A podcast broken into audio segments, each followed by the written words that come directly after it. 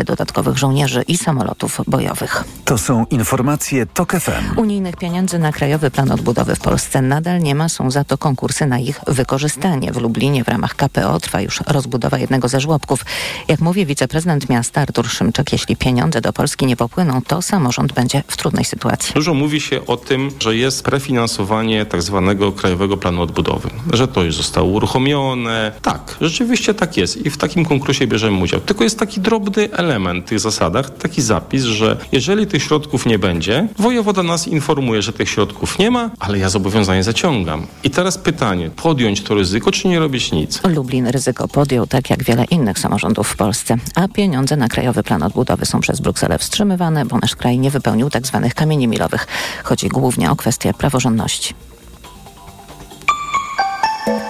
Pogoda. W dużej części kraju to będzie słoneczny dzień, przelotne opady nad morzem i na południowym wschodzie. Na termometrach maksymalnie 22 stopnie w Krakowie i Szczecinie, 23 w Poznaniu i Katowicach, 24 w Lublinie, 25 w Łodzi i Trójmieście, 26 w Warszawie, Toruniu i Bydgoszczy, 27 w Białymstoku. Czas na raport smogowy. Sponsorem alertu smogowego jest japońska firma Daikin, producent pomp ciepła, klimatyzacji i oczyszczaczy powietrza www.daikin.pl.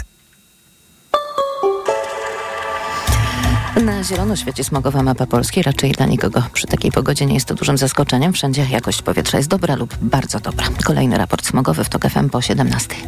Sponsorem alertu smogowego jest japońska firma Daikin, producent pomp ciepła, klimatyzacji i oczyszczaczy powietrza www.daikin.pl. Radio TOK FM. Pierwsze radio informacyjne. EKG. Ekonomia, kapitał, gospodarka. Tomasz Setta, dzień dobry. 6 minut po dziewiątej zaczynamy magazyn EKG. W studiu z nami pierwszy gość Łukasz Muszyński, zastępca redaktora naczelnego portalu filmweb.pl. Dzień dobry. Witam serdecznie. Przyznam, że w magazynie EKG nie tak znowu często rozmawiamy o kulturze. Może powinniśmy częściej, zwłaszcza jeśli w grę wchodzą duże pieniądze. Czy to sprzymierzenie tytułów Barbie Oppenheimer to jest e, coś takiego, na co branża kinowa czekała od e, pandemii? No myślę, że takich kilka... Y znaków wiosny filmowej było już w ubiegłych latach. Mieliśmy Top Gun Maverick, które zarobiło na całym świecie półtora miliarda dolarów. E, był oczywiście drugi Avatar, który zarobił ponad dwa miliardy i sam pamiętam e, kolejki w jednym z warszawskich kin ciągnące się od kasy kinowej aż do schodów ruchomych. Natomiast takie sytuacje, jakie mamy w przypadku właśnie e, Barbie Oppenheimera, nie zdarzają się za często, kiedy wchodzą w ten sam weekend dwa filmy z dwóch zupełnie różnych parafii, bo z jednej strony komedia przeznaczona przeznaczona dla bardzo szerokiego spektrum widzów. Inspirowana najsłynniejszą lalką świata, a z drugiej strony trzygodzinny, e, artystyczny, dramat biograficzny o ojcu bomby atomowej i nagle okazuje się, że te dwa filmy zaczynają promować się nawzajem i dzięki temu... Dodajmy, to było dzieło przypadku, to nie było planowane, żeby akurat te dwa tytuły e, wystartowały, czy miały premierę w tym samym czasie. Nie, ja mam wręcz taką teorię, że ta wspólna premiera była wręcz zemstą wytwórni Warner Brothers, która przez lata pracowała z reżyserem Oppenheimera, Christopherem Nolanem. Potem Nolan i Warner Bros. pokłócili się ze sobą właśnie o hybrydową dystrybucję filmów, które wchodziły jednocześnie i w kinach, e, i na platformach streamingowych. I Nolan poszedł ze swoim nowym filmem Oppenheimerem do konkurencyjnej wytwórni Universal.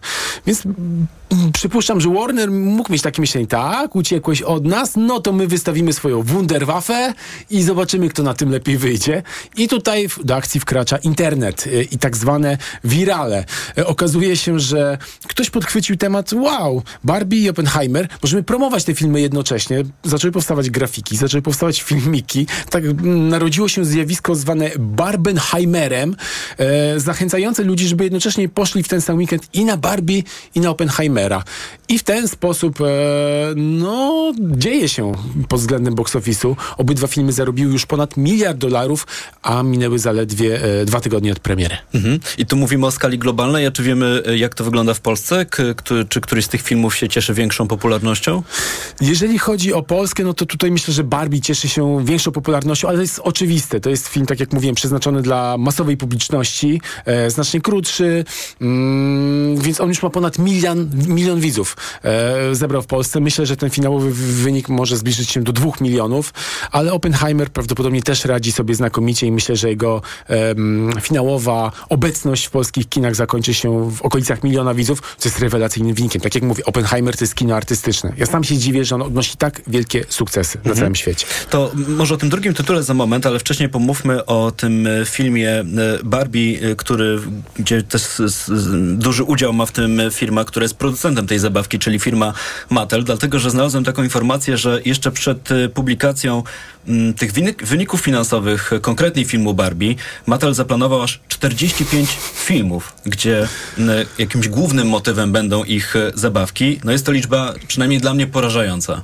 No jest to przerażające, e, ale nie ma co ukrywać, w momencie, kiedy jeden tytuł odnosi sukces, to za tym jednym tytułem e, idą kolejne. Lokomotywa napędza kolejne wagony, więc nie zdziwiłbym się, gdyby firma Mattel w, w porozumieniu z firmą Warner Brothers postanowiła stworzyć nowe ekranowe uniwersum, takie jak na przykład miał uniwersum Marvela, superbohaterowie, uniwersum DC, również superherosi. To teraz będziemy mieli uniwersum zabawek. Ale tutaj wejdę w słowo. Czy to jest tak, że branża kinowa, która, jak wiemy, tam w grę wchodzą gigantyczne pieniądze, jeśli podejmujemy jakieś decyzje artystyczne, chcemy opowiedzieć jakąś historię, no to musimy mieć też przy tak dużych pieniądzach pewność, że to się e, zwróci i jeszcze będzie można na tym e, zarobić. Czy dzisiaj branża filmowa uznała, że jakąś kopalnią złota, jeśli chodzi o te pieniądze, są te nasze sentymenty z dzieciństwa, stąd będziemy tworzyć jakieś uniwersum zabawek?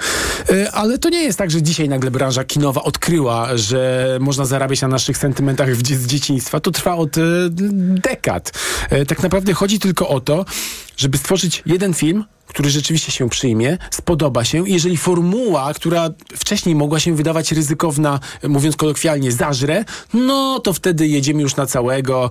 E, względy artystyczne swoją drogą, ale musimy zarabiać. I skoro mamy kurę znoszącą złote jajka, czyli Barbie, to teraz nakręcimy film o wszystkich innych e, zabawkach. Ale kino jak- jakoś na tym cierpi? Myślę od tej strony artystycznej, na tym, że no, tak ważne są w tym biznesie pieniądze, że, że, że, że, że e, to trzeba mieć gdzieś z tyłu głowy. Nie wiem, czy kino cierpi na tym pod względem artystycznym. Jeżeli na przykład z produkcji Barbie e, uda się zarobić tyle pieniędzy, że potem dało się też sfinansować kilka mniejszych projektów, takich jak na przykład, no nie wiem, Oppenheimer, mm, bardziej artystycznych, trafiających do węższego grona ludzi, ale mm, bardziej ambitnych, no to nie mam absolutnie nic e, przeciwko. A koniec końców, e, teraz po pandemii koronawirusa chodzi przede wszystkim o to, żeby ludzie chodzili do kin. Nieważne na co, ważne, żeby zajmowali sale kinowe i żeby ten biznes przetrwał. I o to toczy się gra. I warto też pamiętać o tym, że kiedy właśnie Barbie i Oppenheimer wchodziły do kin, to nawet same gwiazdy zaangażowały się w promocję. Mówiły, na to, mówiły że słuchajcie, nieważne na co idziecie, ważne, żebyście kupili bilet. To jest e, kluczowe. Więc cieszmy się, że rzeczywiście kina ciągle żyją i mają się bardzo dobrze w tym Ale- momencie.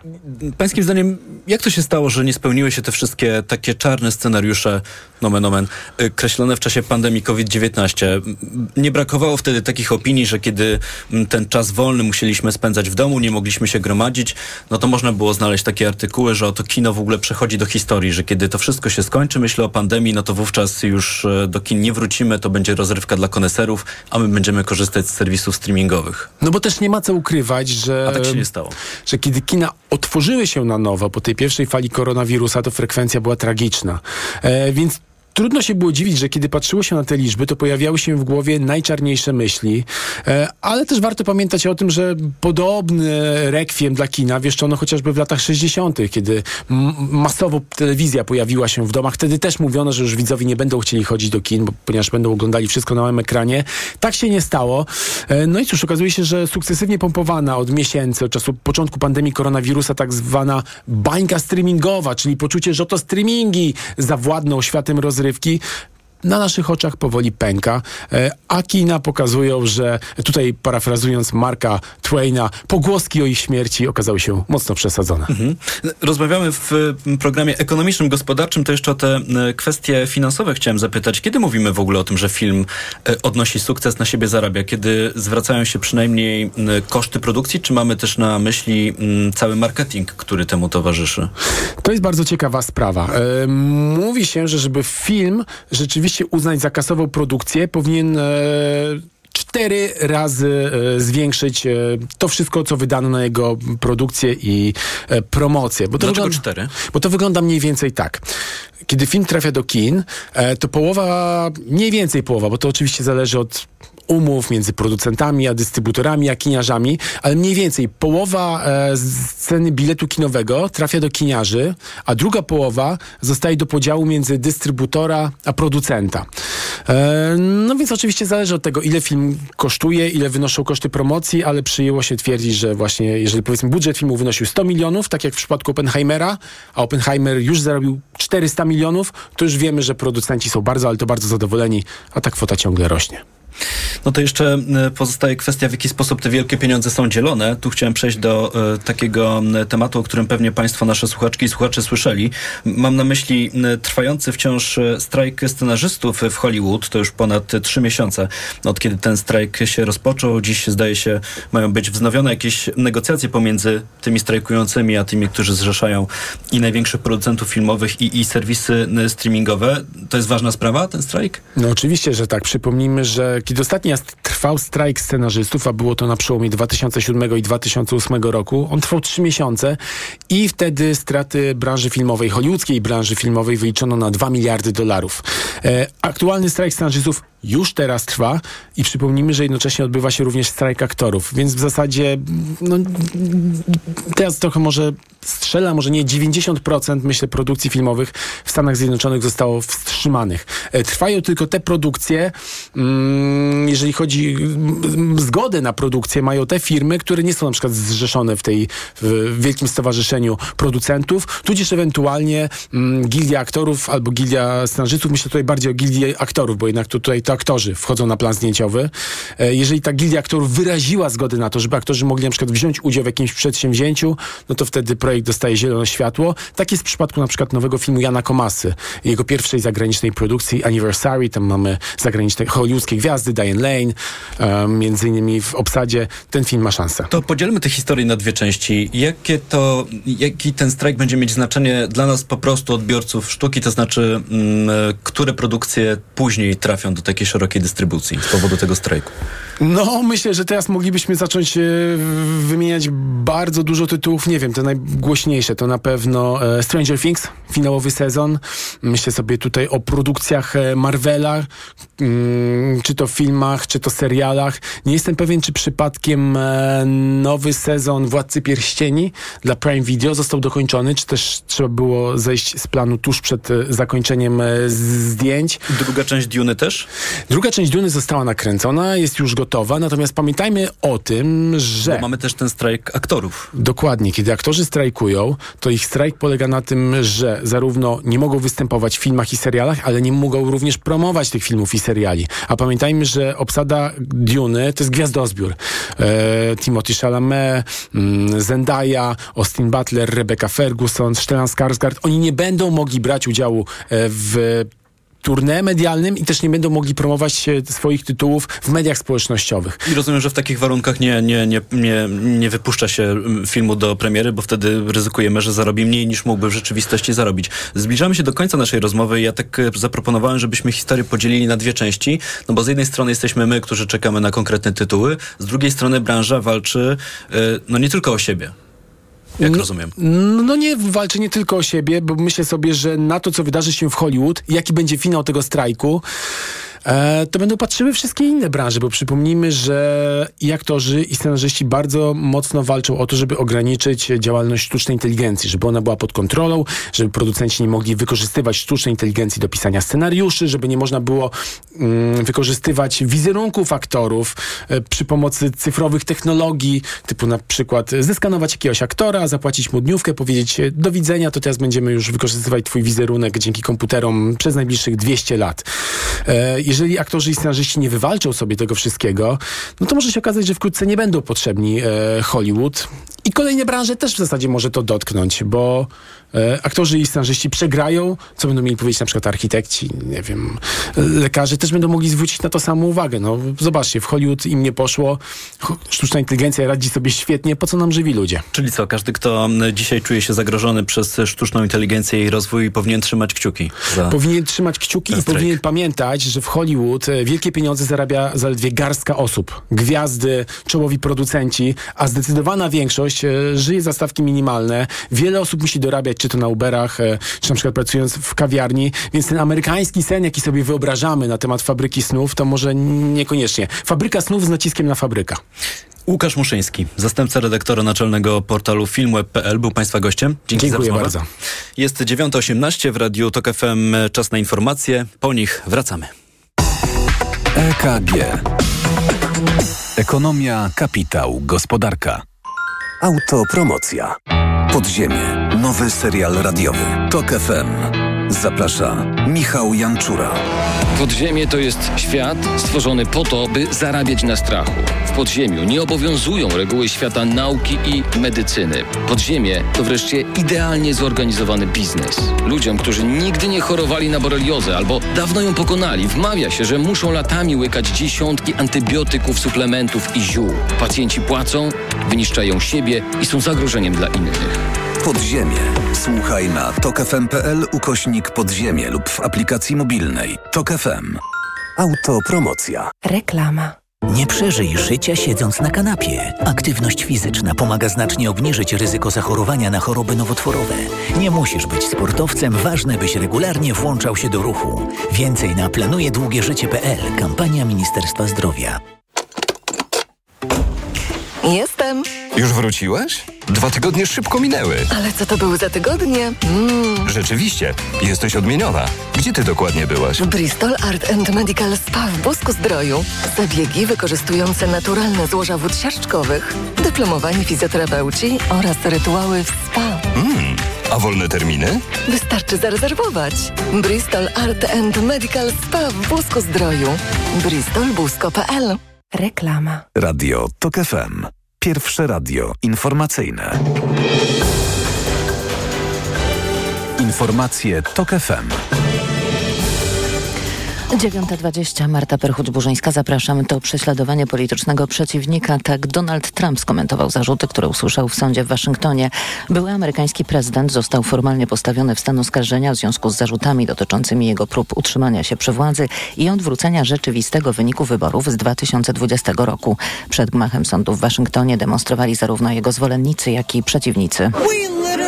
Administracja Bidena wykorzystuje sądy, by ścigać przeciwników politycznych i byłego prezydenta. Takie rzeczy możemy obserwować w dyktaturach w Wenezueli. Jesteśmy tu, bo ten trzeci już akt oskarżenia jest bardzo poważny. Chodzi o wysiłki Trumpa, by zapobiec pokojowemu przekazaniu władzy. Wcześniej Trump został postawiony w stan oskarżenia w sprawie przetrzymywania przez niego tajnych dokumentów oraz zapłaty za milczenie aktorce porno. Ważą się losy trzeciej drogi, czyli Koalicji Polski 2050 i PSL-u. Liderzy obu partii, Szymon Kołownia i Władysław Kosiniak-Kamysz, w najbliższych godzinach mają rozmawiać o tym, czy koalicja przetrwa i czy obie partie wspólnie wystartują w wyborach. Kryzys wybuchł potem, gdy ludowcy zdecydowali o współpracy z Agrounią oraz z byłymi współpracownikami Jarosława Gowina. Policja podsumowała pierwszą połowę wakacji na drogach. Do końca lipca doszło do ponad 2600 wypadków, w których zginęło 229 osób, a ponad 3000 zostało rannych. To nieco mniej tragiczne dane niż te z zeszłego roku, gdy zarówno wypadków, jak i rannych było więcej. Podobna jest natomiast liczba śmiertelnych ofiar. Od początku wakacji policjanci złapali już blisko 12 tysięcy kierowców jadących po wypiciu alkoholu. Pogoda. Dziś w wielu miejscach pogodnie i słonecznie, ale przelotnego deszczu i burz spodziewajmy się w górach i nad morzem. Nad morzem najchłodniej, tam około 19 stopni, najcieplej na Podlasiu 27. Radio TOK FM. Pierwsze radio informacyjne. EKG. Ekonomia, kapitał, gospodarka. 9.23 zaczynamy drugą część piątkowego magazynu EKG. Wydanie piątkowe, więc są z nami dziennikarze. Dziennikarze w studiu Patrycja Maciejewicz, Gazeta Wyborcza i serwis Wyborcza BIS. Dzień dobry. Dzień dobry. Justyna Piszczatowska, redaktor naczelna greennews.pl. Dzień dobry. Dzień dobry. I zdalnie łączy się z nami też Łukasz Kijek, Money.pl. Dzień dobry. Dzień dobry, witam. No dobrze, słuchajcie, chyba nie będziemy trzymać naszych e, słuchaczek i słuchaczy dłużej w niepewności i w napięciu. Barbie czy Oppenheimer? Ja byłam na Oppenheimerze, ale muszę powiedzieć, że... Tylko bez wnikania w nie, szczegóły Nie, nie, to zbyt, zbyt dużo y, by trzeba było mówić. Natomiast... Trzy godziny sens trwa. Akurat jestem takim e, kinomanem dosyć e, niedzielnym, powiedziałabym, że tego jednego Oppenheimera to proszę mi zaliczyć jako dwa filmy, bo dawno nie byłam w kinie. No i tak jak powiedziałem, seans trzy godziny, więc dla niektórych z nas to może być... Czyli cztery razy e, mam. Spore, spore wyzwanie. No to zależy, jaką przyjmiemy tu klasyczną długość, e, długość filmu. E, Mówiła Patrycja Maciejewicz. Justyna Piszczatowska? Ja byłam bardzo negatywnie nastawiona do Barbie, ale teraz y, słyszę od mojego dziecka, które widziała, słyszę od moich przyjaciółek, że jest to całkiem zgrabnie nagrane y, kino, więc może, może. Oppenheimer trwa trzy godziny i, i po prostu No niektórzy mówią, niektórzy tak, niektórzy mówią, że poczekają spokojnie, aż pojawi się e, ten akurat tytuł w serwisie którymś z streamingowym. Nie wiem, na ile ja tutaj mogę urazić uczucia artystyczne słuchaczek i słuchaczy, ale jeśli chodzi o film Barbie, bo tylko ten mogłem zobaczyć, to, to tak e, nie, nie przekonał mnie specjalnie. To może jeszcze krótko Łukasz Kijek. No ja, ja zdecydowanie, jeśli, jeśli pytasz mnie osobiście, to oczywiście Oppenheimer, ale muszę też brać pod uwagę życiowe wybory y, i potrzeby moich dzieci. No i myślę, że skończy się na, na obydwu tak ostatecznie. Dobrze, słuchajcie, tak e, trochę e, piątkowo, jeśli chodzi o ten, o ten początek naszego e, spotkania, ale to bardziej rozgrzewka, bo gdybyśmy mieli przejść troszeczkę do tematów ekonomicznych, no to mówimy o gospodarce wolnego czasu. Kino do takich najtańszych chyba rozrywek nie należy, zwłaszcza jeśli się zabiera całą rodzinę. No tutaj się okazuje, że, że jesteśmy gotowi na ten wydatek i że te kina wciąż nam są do czegoś potrzebne, nawet jeśli w czasie pandemii wiele osób mówiło, że, że już nie będziemy tam wracać. No i też mówimy o tej wysokiej inflacji, która gdzieś tam mm, powoduje, że musimy decydować, na co chcemy wydawać te, te, te pieniądze. A na kino i rozrywkę, jak się okazuje, być może nie wszyscy mają te środki, ale dużo osób ma. Ja myślę, że tutaj y, duży wysiłek y, marketingowców, promotorów y, w to, żeby ta, ta, walka o portfel kinomanów, czy w ogóle konsumentów była zwycięska. I no, nie możemy tego rozpatrywać w jakiejś takiej próżni, że poszliśmy do kina, bo tak chcieliśmy, mieliśmy na to pieniądze. Znaczy, to na pewno jest jakimś, obarczone jakimś wyborem negatywnym na rzecz jakiejś innej kategorii. Więc w sytuacji takiej, jaką mamy gospodarczej, myślę, że sukces kin będzie okupiony mm, dyssukcesem jakiejś innej branży. No i też powiedzmy, że to, z czym teraz y, mamy do czynienia w, nie tylko w polskich kinach, to jest y, nie tylko film sam seans, to jest w ogóle wydarzenie, tak, że ktoś przychodzi na ten film e, w jakimś konkretnym kolorze, jeśli chodzi o ubranie i to jest czasami y, kupiony specjalnie ubiór właśnie tylko na, na, na ten film. Justyna Piszczatowska. Y Trudno jest mi się wypowiadać na ten temat. Ja zupełnie inne kino konsumuję, jeżeli konsumuję. Ja tak ten wątek akurat y, konkretnie chciałem zaproponować, no bo to jest też pytanie o ten konsumpcjonizm, o to, czy wszyscy ci, którzy są dzisiaj tak wrażliwi na to, co dzieje się z klimatem, że powinniśmy produkować mniej, nagle pod wpływem tego wszystkiego, co się dzieje wokół tych y, konkretnie dwóch filmów, gdzieś o tym zapominamy na chwilę. Niektórzy z nas. Ja czasami mówię, że my jesteśmy, jako Polacy, jesteśmy festyniarzami i lubimy po prostu to, żeby zaangażować się w coś wielkiego. Wszyscy idą obejrzeć te dwa filmy. Idźmy i my. Jeśli chodzi o Barbie, no to jeszcze łatwo jest e, młodych do tego e, wciągnąć. Dzieci same chcą to zobaczyć. Oczywiście te starsze, bo to też nie dla każdego dziecka jest... Um, nie dla każdego dziecka jest film. No i efekty są. Efekty są takie, że Barbie w ciągu pierwszych 10 dni e, zarobił 351 e, milionów dolarów, więc jest już dzisiaj e, sukcesem kasowym. Jednocześnie e, Mattel notowania tej spółki od marca wzrosły już o 30%. I dzisiaj e, Mattel i Warner Brothers e, już szykują e, sequel, prawdopodobnie Barbie, więc jakby niezależnie od tego, co myślimy o tym, e, jak te pieniądze są wydawane przez konsumentów, to okazuje się, że na taką rozrywkę te pieniądze zawsze się znajdą. No oprócz drugiej części tego konkretnego filmu, to widzę, że jeszcze Mattel ma na swojej liście ponad 40 tytułów, które wyprodukuje i gdzie, gdzie jakąś tutaj której kanwą mają być e, zabawki e, tej, tej, tej właśnie firmy. Ale tak już e, zostawiając całkowicie na boku tę gospodarkę czasu wolnego, a pozostając przy kosztach życia, chciałem was zapytać, czy waszym zdaniem w tej nadchodzącej kampanii wyborczej, bo to co na razie obserwujemy jest prekampanią, czy waszym zdaniem jakimkolwiek tematem tej kampanii będą koszty życia, dlatego że m, mamy w tym tygodniu za nami najnowsze dane o inflacji. Ta inflacja z miesiąca na miesiąc e, spada co jest wykorzystywane przez polityków partii rządzącej. W dodatku w lipcu mieliśmy jeszcze taką sytuację, że w porównaniu miesiąc do miesiąca m, spadły też e, ceny. Ci, którzy m, jakoś ten e, konkretny wskaźnik pokazywali bardzo mocno, nie do końca chcieli tłumaczyć, z czego to wynika. No wynika to prawdopodobnie z cen żywności, które sezonowo po prostu zawsze w wakacje spadają, więc trudno tu mówić o jakimkolwiek przełomie, że oto nasze koszty życia też jakoś e, e, diametralnie się e, zmieniają, ale, ale pytanie, czy, czy z biegiem czasu w tych kolejnych miesiącach, także kampanijnych, e, te koszty życia to, to będzie jeszcze jakiś temat, bo ja mam takie mm, przekonanie, czy, czy, czy taką obserwację, że jeszcze parę miesięcy temu to mógł być temat, teraz to chyba już niekoniecznie. Łukasz Kijek. Ja myślę, że wracając jeszcze na chwilkę, zaraz, zaraz odpowiem na to pytanie, wracając jeszcze do poprzedniego pytania na chwilkę i, i łącząc te dwa wątki, no to myślę, że żyjemy trochę w takich e, czasach, gdzie jesteśmy bombardowani cały czas złymi informacjami. E, I pamiętam, jak był kryzys e, po upadku banku Lehman Brothers, wówczas kina czy, czy, czy restauracje przeżywały taki mini boom, bo ludzie chcieli szukać też miejsc, gdzie, gdzie znajdą trochę taką odskocznię i myślę, że dzisiaj kina mogą być taką odskocznią, chociaż pamiętajmy, że sytuacja jest trochę inaczej złożona trochę bardziej złożona, bo jesteśmy po pandemii e, i właśnie takie duże wydarzenia mogą przyciągać ludzi. A jeśli chodzi o inflację i, spróbuję to połączyć, no bo, mm, bo myślę, że ten temat jest niezwykle ważny. Ja nie uważam, żeby politycy e, weszli w ten temat bardzo głęboko, choć wydaje mi się, że popełniają bardzo duży błąd i zaraz wyjaśnię dlaczego. Po pierwsze, inflacja, drożyzna stała się tematem politycznym.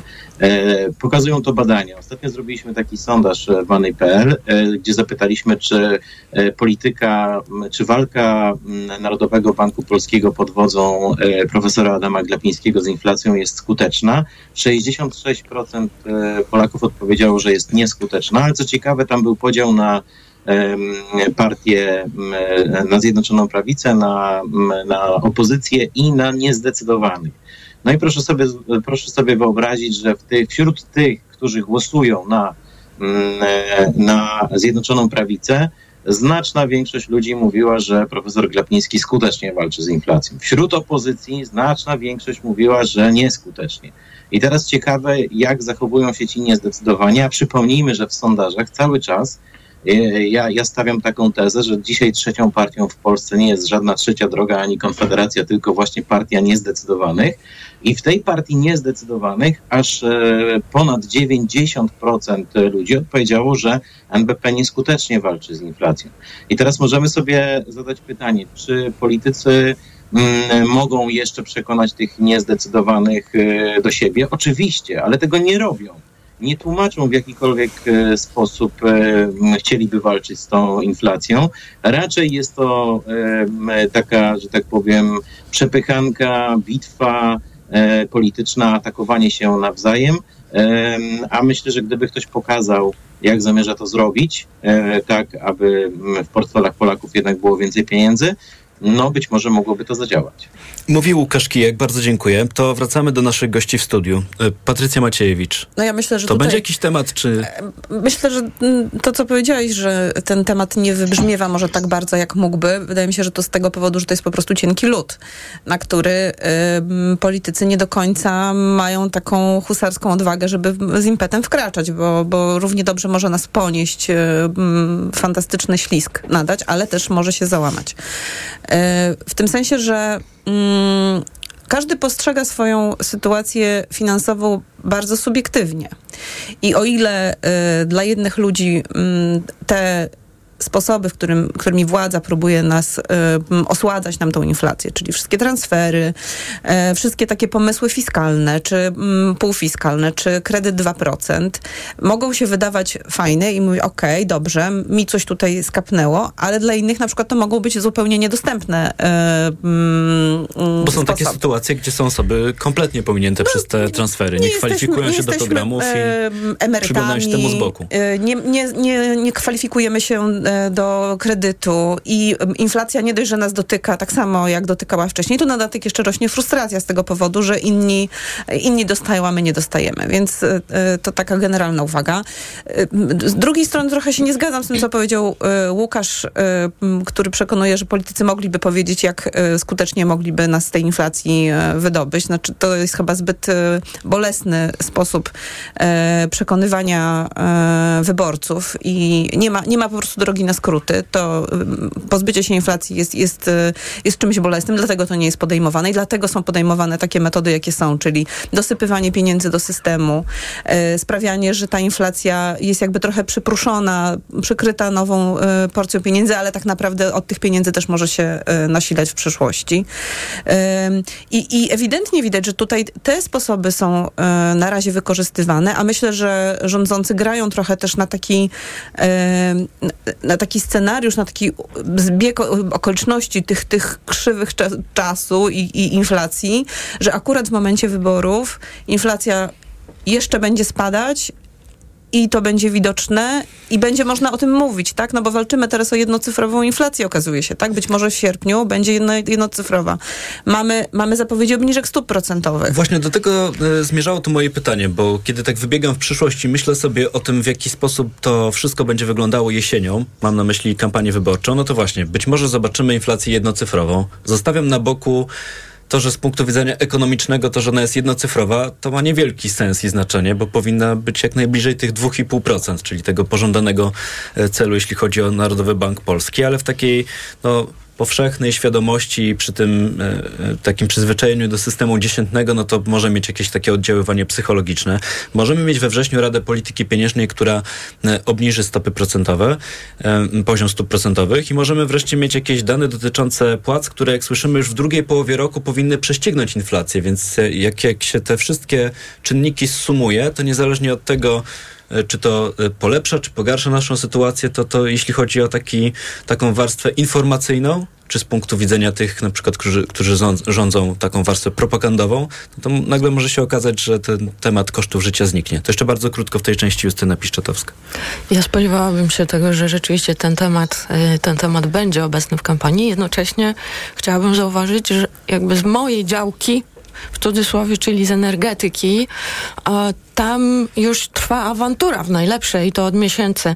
Czy mamy drogi prąd, czy mamy prąd tani? Czy poziom cen na rynku hurtowym, czy to jest, y, stawia nas na pierwszym miejscu w Europie, czy dzięki tym dopłatom rzeczywiście polskie gospodarstwa domowe płacą mniej. I mogę tylko powiedzieć tyle, że, że cała ta dyskusja a i te hasła PiS inflacja, inflacja, to też już jest, to też już jest znane. Niestety cała ta dyskusja nie ma e, takiego charakteru merytorycznego za bardzo. Mm, tak jak mówił Łukasz, e, dobrze by było, gdyby przedstawili e, politycy wszystkich stron sposoby na, y, na walkę z tą inflacją, ale tego raczej bym się nie spodziewała. E, głównie chodzi o to, żeby wykreować taki wizerunek, czyją winą jest ten wzrost cen, którego wszyscy doświadczamy. Także to jest, jest temat, ale bardzo płytko i bardzo polityczny sposób No i też mam wrażenie, że trochę wyeksploatowane w tych poprzednich miesiącach, kiedy te wskaźniki były rekordowe i rzeczywiście y, też y, od tej strony psychologicznej potrafiły robić duże wrażenie. Mówiła Justyna Piszczatowska przed momentem, są też z nami Patrycja Maciejewicz i Łukasz Kijek. Wracamy do Państwa po informacjach. EKG Ekonomia, kapitał, gospodarka. Autopromocja. Codziennie dzieje się coś nowego. Codziennie dzieje się coś ważnego. Trzymaj rękę na pulsie i słuchaj swoich ulubionych audycji oraz podcastów i seriali reporterskich TOK FM w dowolnej kolejności, o dowolnej porze, zawsze gdy masz na to ochotę. Dołącz do TOK FM Premium. Teraz 30% taniej. Szczegóły oferty znajdziesz na tokefm.pl Autopromocja. Reklama. RTV Euro AGD. Uwaga! Teraz więcej kupujesz, więcej zyskujesz. Kup jeden produkt i zyskaj rabat lub dobierz kolejny i zyskaj jeszcze większy rabat. Rabaty nawet do 5000 zł. Wartość rabatu zależna od wartości koszyka. Minimalna wartość zakupów to 1500 zł.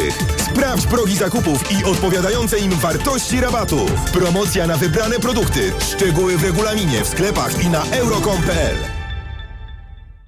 Dlaczego zmieniłam tabletki na wątrobę i stosuję Proliver Cardio? Bo poprzednie tylko chroniły wątrobę, a Proliver Cardio również stymuluje pracę układu pokarmowego. Proliver nie tylko wspomaga wątrobę, ale również wspiera odtruwanie. I dodatkowo Proliver Cardio wspiera zdrowe serce.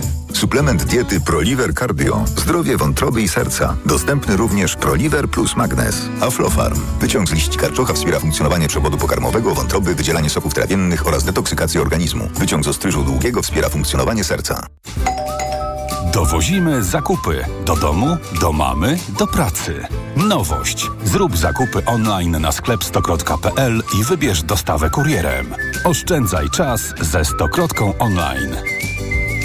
Po mamie mam wiele wspaniałych cech i jedną złą – skłonność do bolących nóg i żylaków. Ale z pomocą przyszedł mi Diohespan Max. Lek z najwyższą dawką 1000 mg diosminy. Odkąd stosuję Diohespan Max, zapomniałam o bólach nóg i nie boję się żylaków. Z pełnym przekonaniem poleciłam go mamie. Diohespan Max. Maksymalna ulga dla nóg. Aflofarm. Diohespan Max. Jedna tabletka zawiera 1000 mg zimpronizowanej diosminy. Wskazania przewlekła niewydolność krążenia żylnego kończyn dolnych. Żylaki. To jest lek. Dla bezpieczeństwa stosuj go zgodnie z ulotką dołączoną do opakowania i tylko wtedy, gdy jest to konieczne. W przypadku wątpliwości skonsultuj się z lekarzem lub farmaceutą. Tanie zakupy robię w Lidlu. Według faktu spośród czterech podmiotów objętych zestawieniem koszyk 25 podstawowych produktów jest najtańszy w Lidlu. Źródło fakt. Wydanie internetowe z 26 lipca 2023 roku. Szczegóły na www.lidl.pl No jak Andrzej? Jesteś gotowy? Chyba nie pojadę na ryby.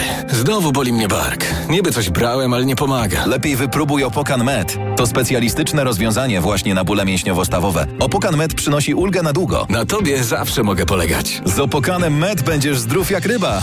Opokan Med. Bez bólu przez cały dzień. Bez bólu przez całą noc. To jest wyrób medyczny. Używaj go zgodnie z instrukcją używania lub etykietą. Rozgrzewanie i łagodzenie dolegliwości krzyżowo-lędźwiowych, reumatycznych, mięśniowych, stawowych i nerwobóli. Aflofarm. Gorąca rowerowa oferta sezonu. Tylko w Skitim najnowsze kolekcje rowerów Cube, także hybrydowych, kupisz taniej o 10%. Dodatkowo raty 0% lub wygodny leasing. Ruszaj na szlaki rowerowe z Cube. Adresy sklepów i ofertę sprawdź na skitim.pl. Skitim.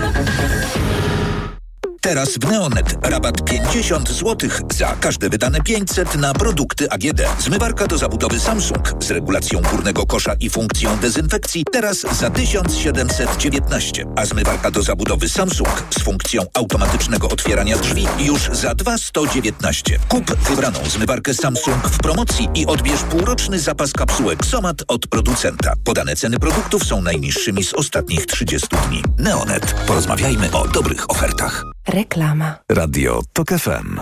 Pierwsze radio informacyjne. Informacje TOK FM. 9.41 Marta Perchuć-Burzyńska. Zapraszam. Rzecznik Praw Pacjenta rozpoczął kontrolę w placówkach medycznych stosujących niesprawdzone metody w leczeniu boreliozy. To kolejna reakcja na serial dokumentalny TOK FM Podziemie, który mówi o praktykach lekarzy stosujących metodę ILAT, polegającą na podawaniu dużych ilości antybiotyków. Według naszych informacji kontrolowanych jest na razie 20 placówek. Wszystkie zostały wezwane do złożenia wyjaśnień oraz przekazania dokumentacji medycznej. Jeśli rzecznik wykryje w ich działaniu nieprawidłowości, będą musiały natychmiast zakończyć stosowanie niesprawdzonych praktyk. W przeciwnym razie będą im grozić kary nawet do pół miliona złotych. Więcej na tokefm.pl. W Senacie trwają prace nad katalogiem zabiegów medycyny estetycznej, które będą mogli wykonywać tylko lekarze. Wnioskowała o to Naczelna Izba Lekarska, która podkreśla, że takie zabiegi mogą powodować niechciane efekty. Dlatego ważne jest, by przeprowadzały je osoby wykwalifikowane i mające certyfikaty. Rosjanie twierdzą, że Ukraińcy uderzyli dronami morskimi na bazę ich marynarki wojennej położoną koło noworosyjska nad Morzem Czarnym.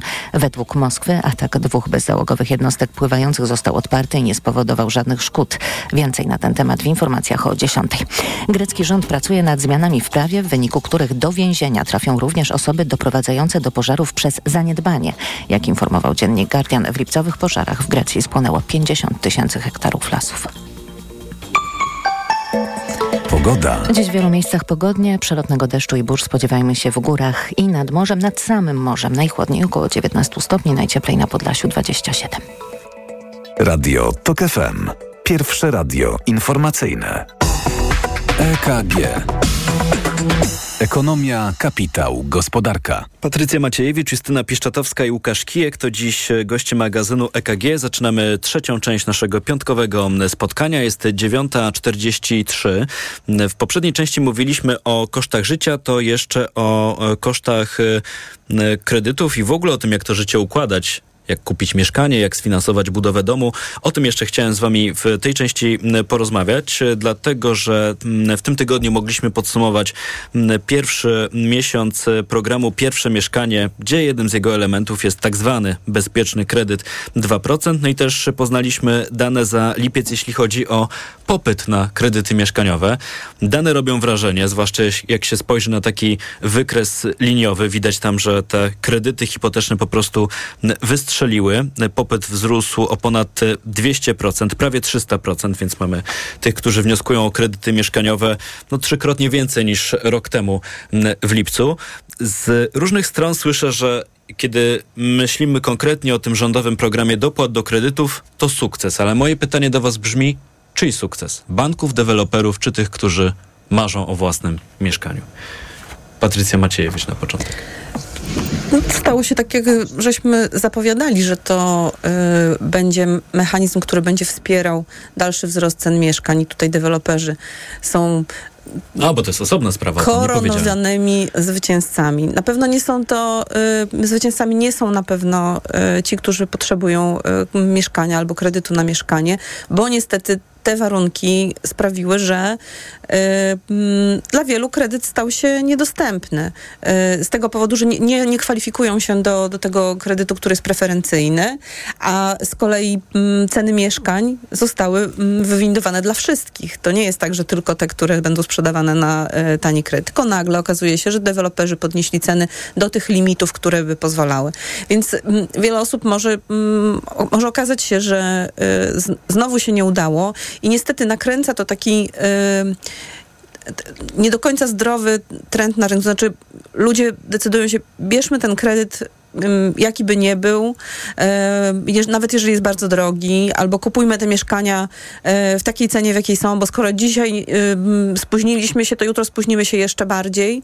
I to powoduje, że, że te e, zachowania są takie troszeczkę bardziej sterowane emocjami niż prawdziwymi takimi trendami e, ekonomicznymi, a jeśli już o tym mówię, no to to jest takie zaburzenie, które bardzo, bardzo nagle, bardzo w taki sposób niezapowiedziany zostało wprowadzone na rynek przez, przez rząd. I to mm, czy dobrze, czy źle, no czkawką to się odby, od, odbija dla wielu stron. No pewnie wszyscy, wszyscy chcielibyśmy, żeby mm, jakoś to się rozwijało równomiernie, żeby te oczekiwania po stronie popytu, czyli tych, którzy chcą to kupić, e, chcą kupić to mieszkanie i po stronie e, podaży, żeby to gdzieś ze sobą się spotykało, a nie żeby przychodziło takie, e, takie szoki. No tutaj, tutaj wracam do tego wykresu, który pokazuje popyt na kredyty hipoteczne. Ten wystrzał jest duży. No pytanie, czy to nie jest taki pik, który za chwilę chwilę się, za chwilę się skończy. Łukasz Kijek?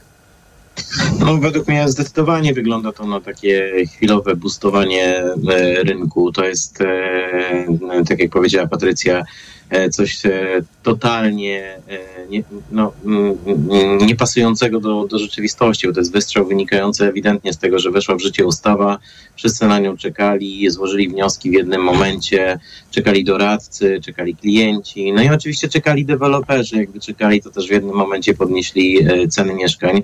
Wystarczy popatrzeć sobie na rynku, jak to wygląda, mm, jak wyglądały ceny na kilkanaście dni przed wejściem tej ustawy w życie, czy kilka tygodni, a jak wyglądają teraz. No ewidentnie tutaj nastąpiło podniesienie też e, ceny spowodowane właśnie tym e, nienaturalnym e, ruchem. Na końcu tracą na tym klienci, no bo znowu jest to sama historia. Mm, Co prawda mamy inflację, ale przecież były ostatnio dane pokazujące, że materiały budowlane zaczynają tanieć i, i wydawać by się mogło, że może to być jakiś e, argument do tego, aby e, jednak ceny mieszkań przynajmniej w tak e, drastycznym tempie nie rosły.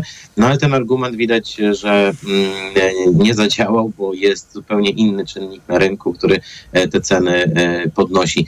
No i myślę, że polski rynek nieruchomości niestety jest w dużej mierze właśnie uzależniony także od takich programów, które co jakiś czas się e, pojawiają.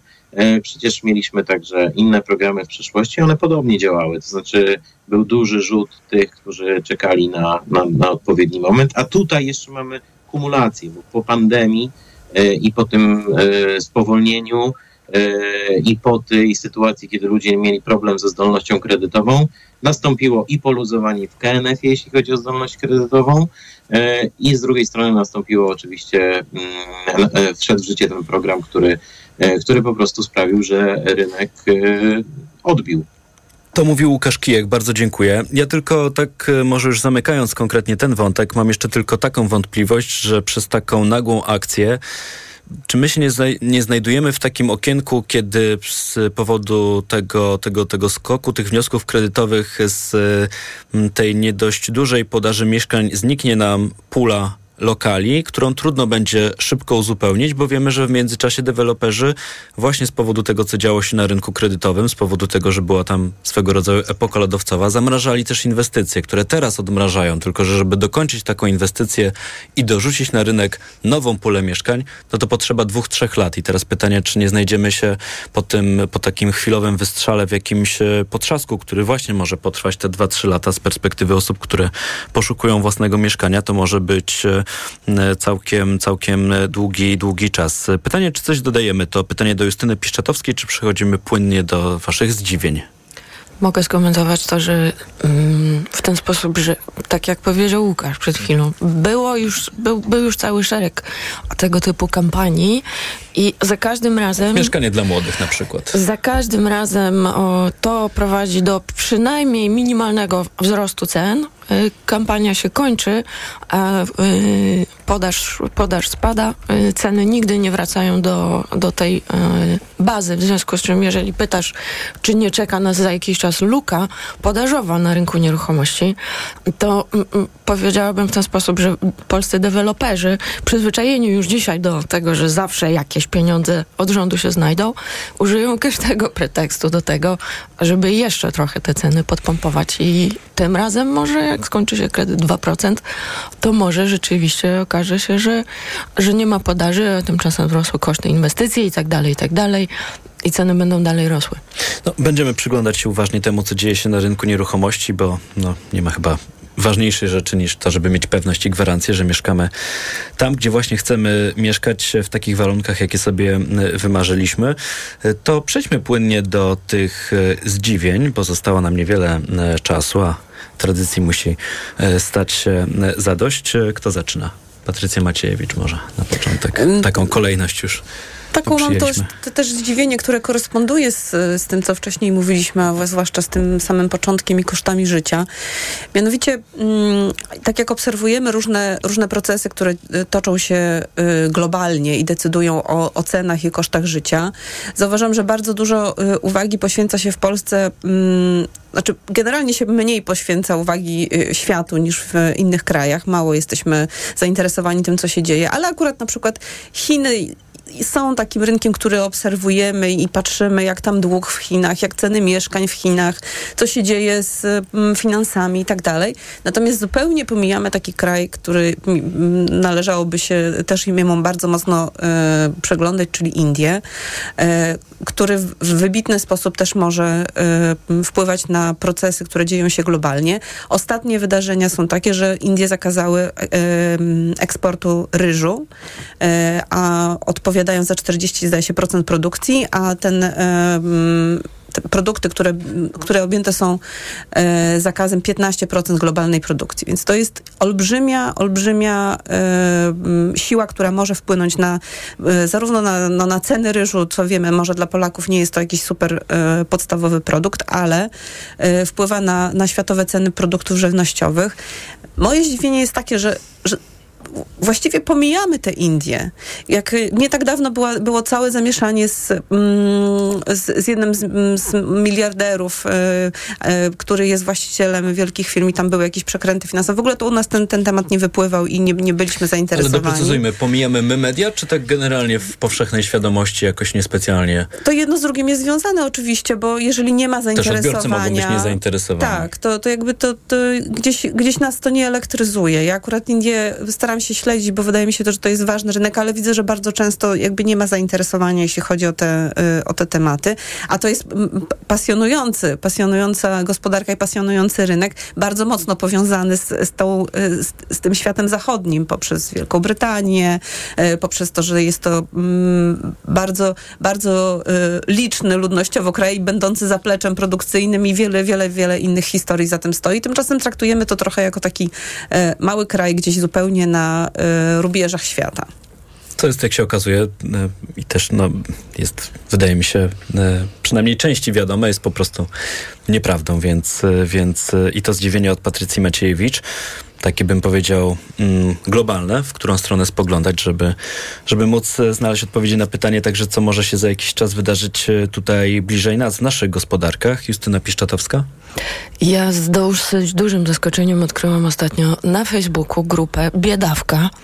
Biedawka sekcja taniego życia która wydaje mi się jest takim dobrym papierkiem lakmusowym tego, co Polacy o, słyszą, y, co sądzą o cenach, jak, y, z jakimi realnymi życiowymi problemami dzisiaj mierzą się, zwłaszcza młode osoby. Ale to jest grupa taka humorystyczna, gdzie się publikuje nie, żarty, nie, czy to są jakieś historie z życia chodzi. wzięte? Ja dzisiaj... Mm, czytam ją, ja ją wertuję w wolnych chwilach i jeszcze yy, i polecam każdemu.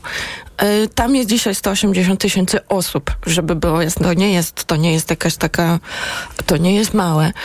Młodzi Polacy zastanawiają się, jak wspólnie pytają się nawzajem, jak poradzić sobie dzisiaj um, w kryzysie tych szalejących kosztów życia. I te dyskusje, które tam się odbywają, no naprawdę niesamowicie da, dają do myślenia. Padło między innymi w ostatnich dniach pytanie, czy rodzina w modelu 2 plus 1 y, mająca dochód rozporządzalny miesięcznie 7 tysięcy złotych czy w ogóle pchać się w kredyt 2% mm, i, kupić to, i kupić to mieszkanie.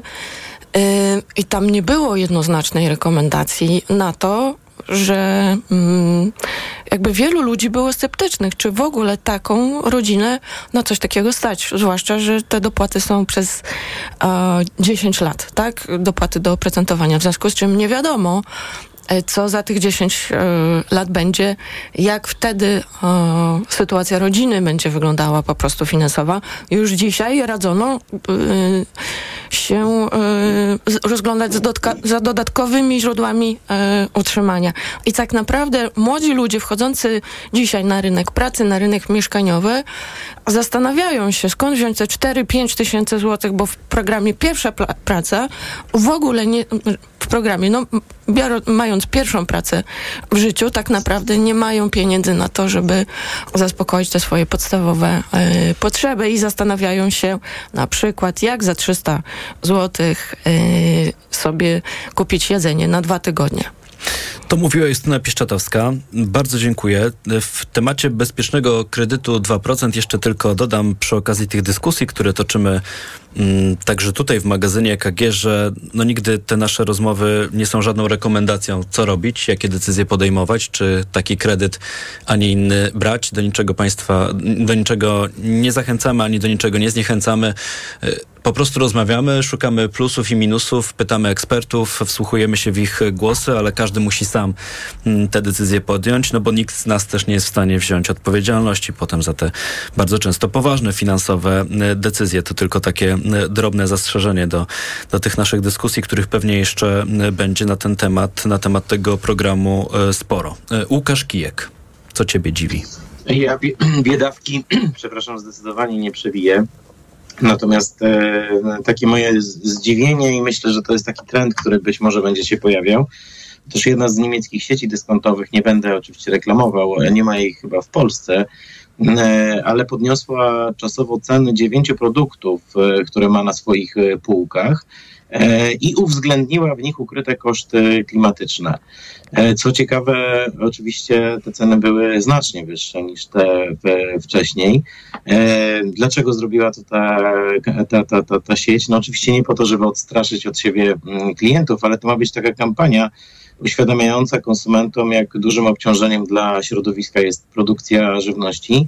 I myślę, że to też taki sygnał pokazujący nam wszystkim, że no, te koszty żywności w związku z kryzysem klimatycznym niestety będą rosły.